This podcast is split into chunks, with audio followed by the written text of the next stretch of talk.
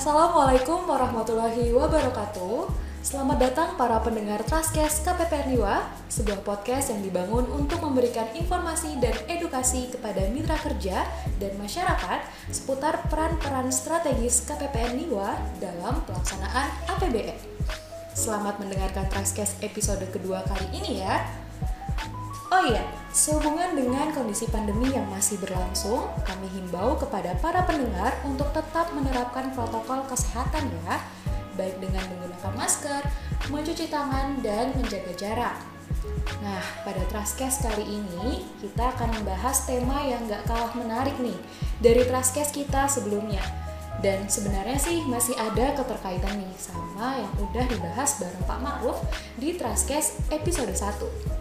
Jadi, bagi para pendengar yang belum mendengarkan, jangan lupa mampir ya ke Spotify atau YouTube KPPN Niwa untuk mendengarkan Traskes episode 1.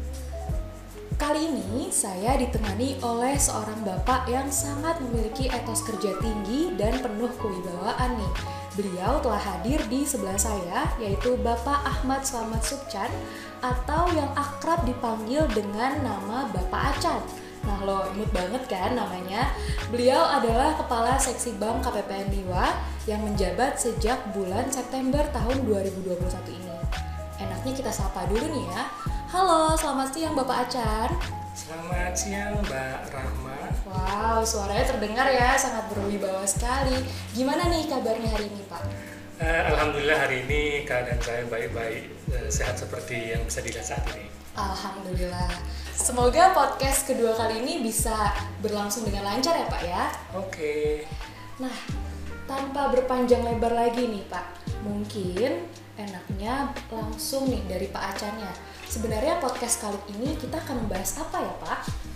Ya, pada kesempatan yang baik ini insya Allah kita akan sedikit membahas terkait dengan BLT Dana Desa sebagai salah satu bagian dari program PEN. Baik, nah Mungkin para pendengar masih sangat asing ya Pak ya dengan program PEN itu sendiri. Boleh dijelasin dulu nggak sih Pak sebenarnya PEN itu apa? Jangan sampai ketukar sama pulpen dong ya Pak ya. Oke, oke, oke. Jadi gini, gini. Jadi sebenarnya program PEN itu yang biasa kita dengar sehari-hari eh, saat ini maksudnya adalah salah satu rangkaian program unggulan pemerintah dalam penanganan masalah pandemi COVID saat ini pemulihan ekonomi nasional itulah kepanjangan dari PEN yang mungkin sebagian orang sering mendengar namun tidak tahu pasti apa itu kepanjangannya. Kemudian dilihat dari dampak pandemi yang terjadi di, di, di dunia saat ini seluruh negara seakan merasakan pukulan yang sangat berat. Ekonomi seakan berhenti jalan di tempat bahkan mundur atau minus. Pada awal tahun 2020 merupakan pukulan berat bagi semua negara mau itu negara maju, berkembang maupun yang lain, semuanya terkena dampaknya. Kita bisa lihat bandara ditutup, pusat-pusat perbelanjaan ditutup, pasar swalaya ditutup, tempat ibadah pun tak luput dari penutupan sebagai upaya menghambat penyebaran virus COVID yang sedang mendunia tersebut. Indonesia sebagai negara berkembang yang mempunyai penduduk tertinggi keempat di dunia sangat merasakan dampak wabah virus mematikan ini pada awalnya memang beberapa orang menyaksikan bahwa virus COVID ini bisa masuk dan menyebar di Indonesia dengan melihat iklim tropis kita yang menurut mereka bahwa virus akan mati dan tidak bisa berkembang. Namun pada kenyataannya, kita tidak bisa menolak bahwa fakta penyebaran awal yang tidak disangka-sangka malah menjadi sarana masif bagi virus, virus tersebut untuk menyebar sedemikian rupa ke seantero negeri ini. Kemudian pemerintah melihat ini secara sigap Eh, bahwa pandemi ini tidak bisa ditangani hanya dengan penanggulangan penyakitnya, penyebaran virusnya, ataupun mengkarantina pasien yang terinfeksi agar tidak menyebarkan lebih jauh. Akhirnya melakukan uh, terobosan, mengambil kebijakan yang salah satunya adalah program PEN ini. Kita bisa melihat di data pertumbuhan ekonomi triwulan 2 tahun 2020 sebesar minus 5,32 persen, kemudian triwulan ketiga tahun 2020 menjadi minus 3,49 persen, kemudian triwulan keempat tahun 2020 sebesar minus 2,19 persen. Yang kalau kita lihat trennya itu membaik seiring dengan penerapan program PEN ini. Baik, berarti setelah ini para pendengar gak boleh salah lagi ya Pak ya Harus sudah tahu nih kalau program PEN merupakan akronim ya Pak ya iya, Dari ya, Program Pemulihan Ekonomi Nasional dan semata-mata merupakan kebijakan pemerintah untuk menanggulangi juga meminimalisasi dampak dari pandemi COVID-19 ini kepada masyarakat gitu ya, ya Pak ya. Itu.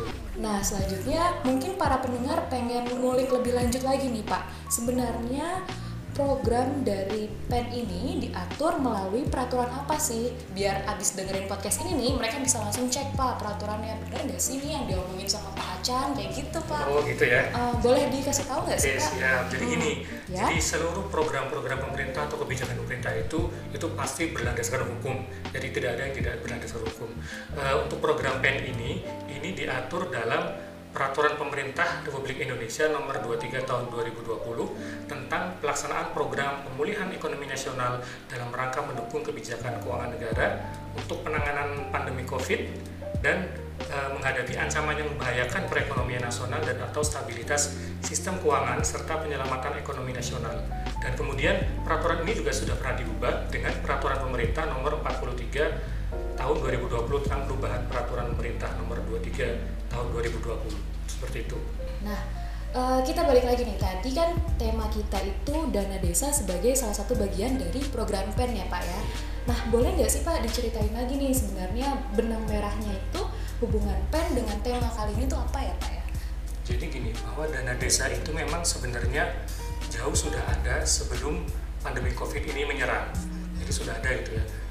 Eh, ini menjadi salah satu program unggulan yang uh, dilakukan oleh pemerintah. Dan ketika pandemi COVID ini menyerang, program ini dijadikan salah satu uh, sebagai program pemulihan ekonomi nasional dengan BLT-nya, bantuan langsung tunainya.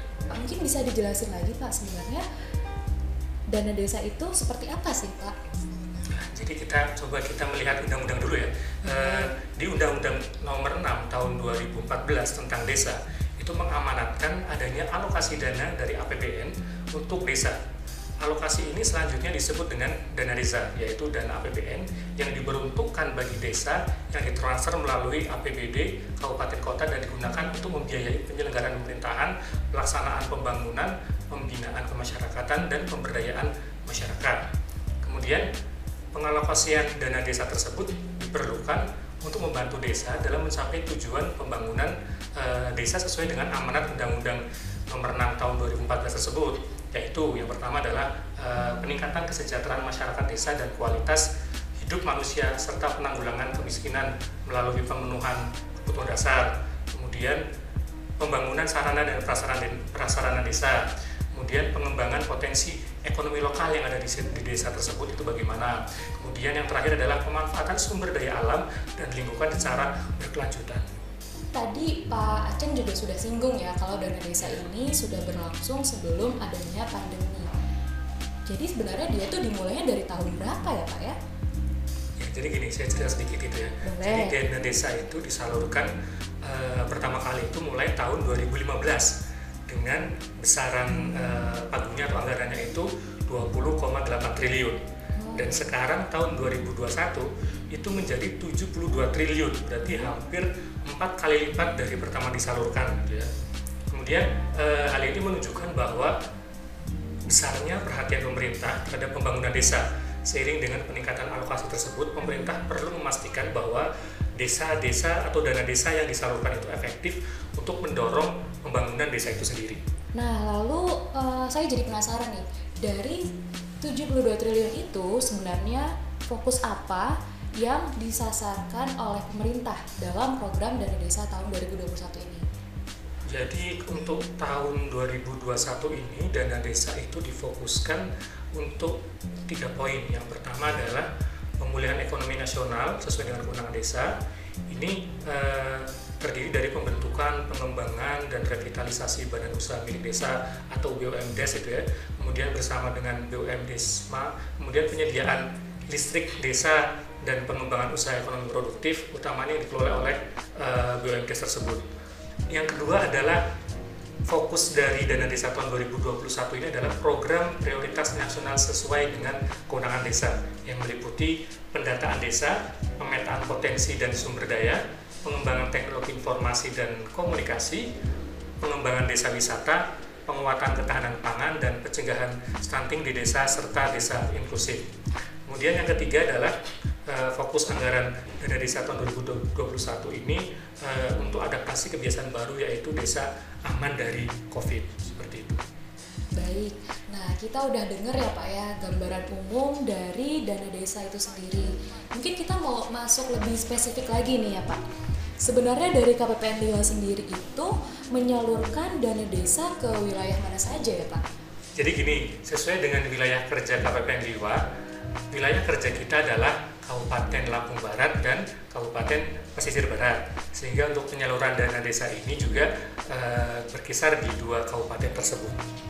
Baik, nah mungkin pendengar kita nih ada yang memang berdomisili di Kabupaten Lampung Barat dan Kabupaten Pesisir Barat, Pak.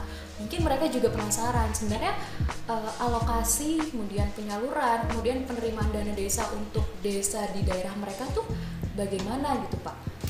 Oke, jadi gini, ini saya nyontek sedikit ya untuk masalah angka-angka gitu ya. Boleh, ya. Pak. Karena angkanya banyak ini. Iya. Jadi yang pertama adalah di Kabupaten Lampung Barat Kabupaten Lampung Barat tersendiri, tersendiri itu terdiri dari 131 pekon atau desa dengan total dana desa sebesar 126 miliar 126 miliar dari 126 miliar tersebut itu 9,12 persennya itu adalah BLT atau bantuan langsung tunai sebesar uh, eh, 11,5 persen itu disalurkan kepada 3.197 KPM atau keluarga penerima manfaat itu untuk di Lampung Barat Kemudian untuk Kabupaten Pesisir Barat itu lebih sedikit jumlah pekonnya.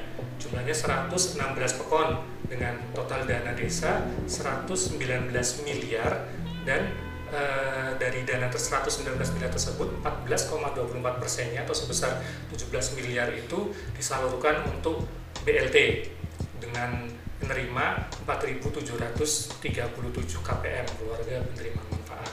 Kalau kita melihat jumlah uh, total di tingkat nasional gitu ya seperti yang tadi saya sebutkan di awal bahwa sebenarnya untuk BLT ini jumlah nasional itu mencapai 31,8 triliun untuk 8 juta keluarga begitu. Jadi memang kita coba kali ini membahas dana desa di sisi BLT-nya uh, uh, eh, apa namanya sebagai salah satu program pemerintah yang di dalamnya itu uh, kepada masyarakat yang terkena dampak COVID ini. Wah baik, ini makin menarik nih ya Pak pembahasannya. Uh, saya jadi penasaran deh Pak, setelah dari tahun ini lah ya Pak ya, BLT sudah tersalurkan, lalu mungkin sudah mulai terlihat nih, bagaimana sih efektivitas BLT dalam dana desa ini?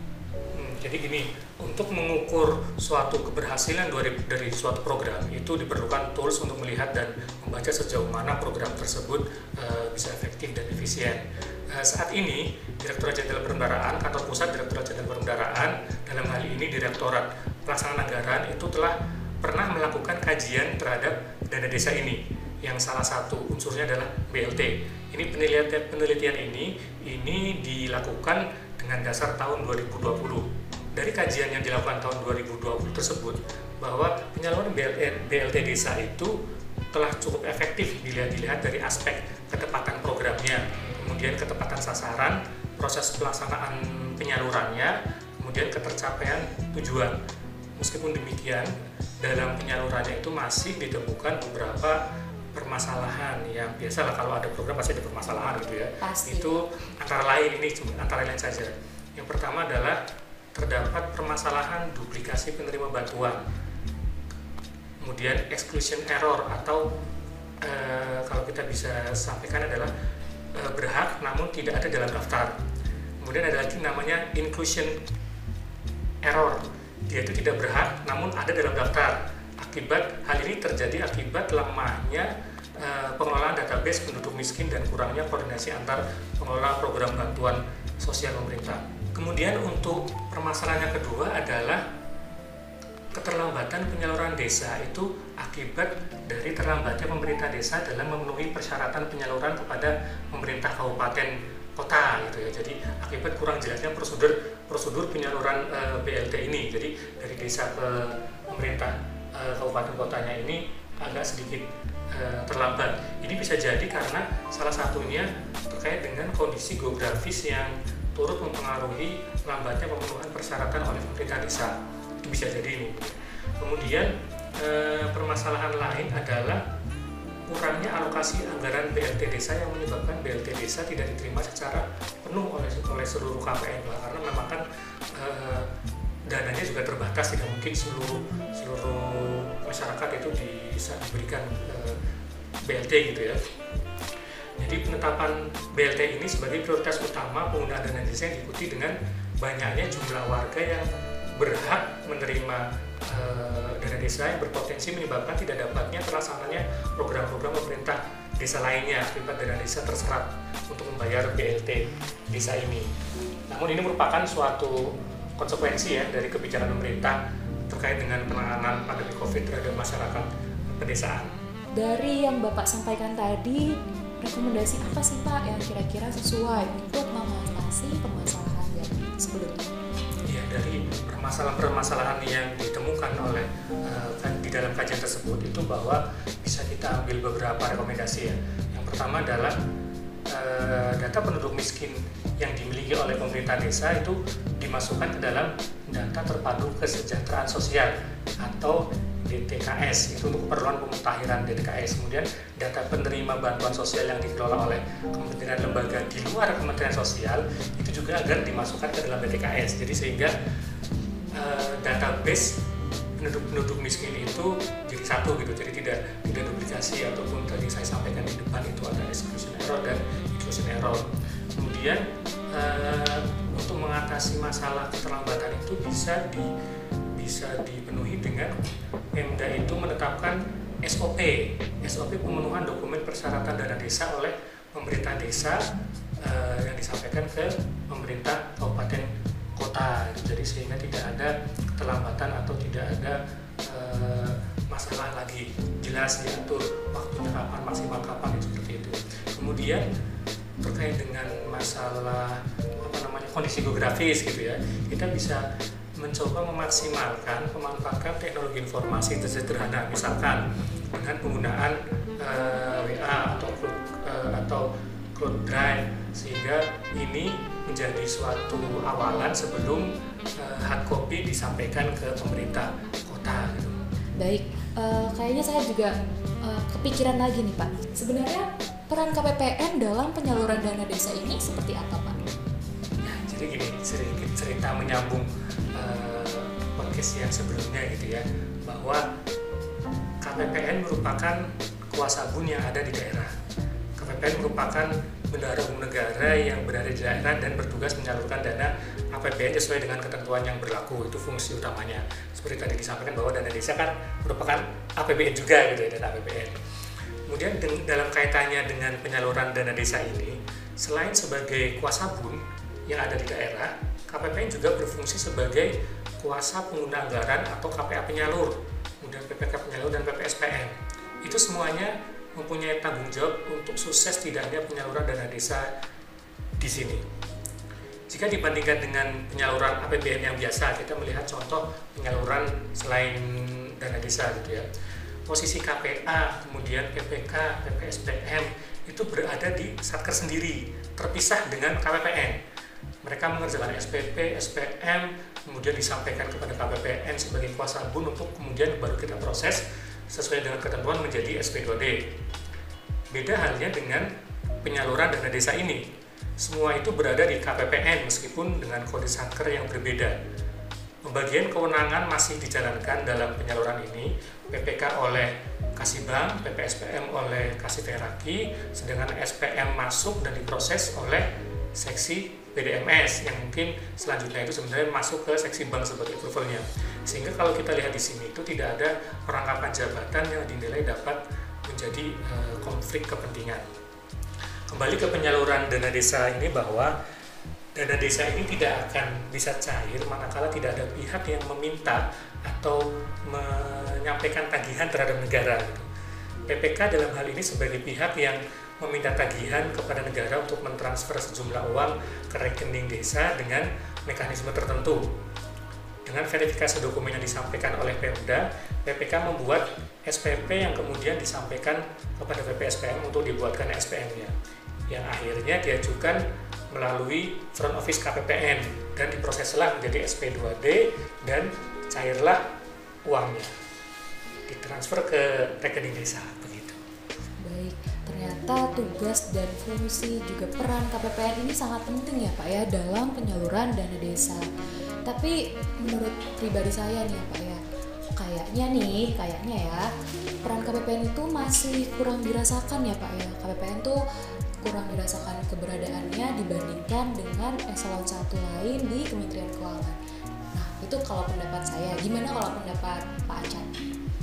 Uh, jadi gini, uh, bagi kami, bagi bagi kita gitu ya, tugas yang diberikan oleh negara merupakan suatu amanah yang harus dituntaskan dengan sebaik-baiknya. Uh, apa yang tertuang di dalam aturan-aturan PMK misalnya peraturan Menteri Keuangan terkait dengan dana dana desa ataupun yang lainnya itu harus kita jalan kita laksanakan kita jalani semaksimal mungkin. Regulasi yang sudah ada atau sudah disusun sedemikian rupa itu sejatinya dibuat agar mempermudah pekerjaan kita sehari-hari. Sehingga menjadi akselerator pembangunan masyarakat untuk masyarakat luas uh, yang merata. Kita sebagai uh, pelaksana di garda depan gitu ya, sebagai penyalur harus senantiasa melaksanakan tugas tersebut dengan uh, penuh tanggung jawab. Peran penting atau tidaknya itu sebenarnya tergantung dari bagaimana penyelesaian tugas yang menjadi tanggung jawab kita tersebut. Sebagai contoh ya, manakala kita mempunyai tugas yang sangat penting, misalkan, namun kita melaksanakan tugas tersebut dengan seenaknya, maka peran penting kita tersebut akan tenggelam dan menjadi tidak penting lagi. Itu bagi bagi saya gitu ya. Kemudian eh, coba kita menilik dengan sisi yang lain coba. Sebagai insan yang beragama bekerja adalah suatu ibadah tersendiri.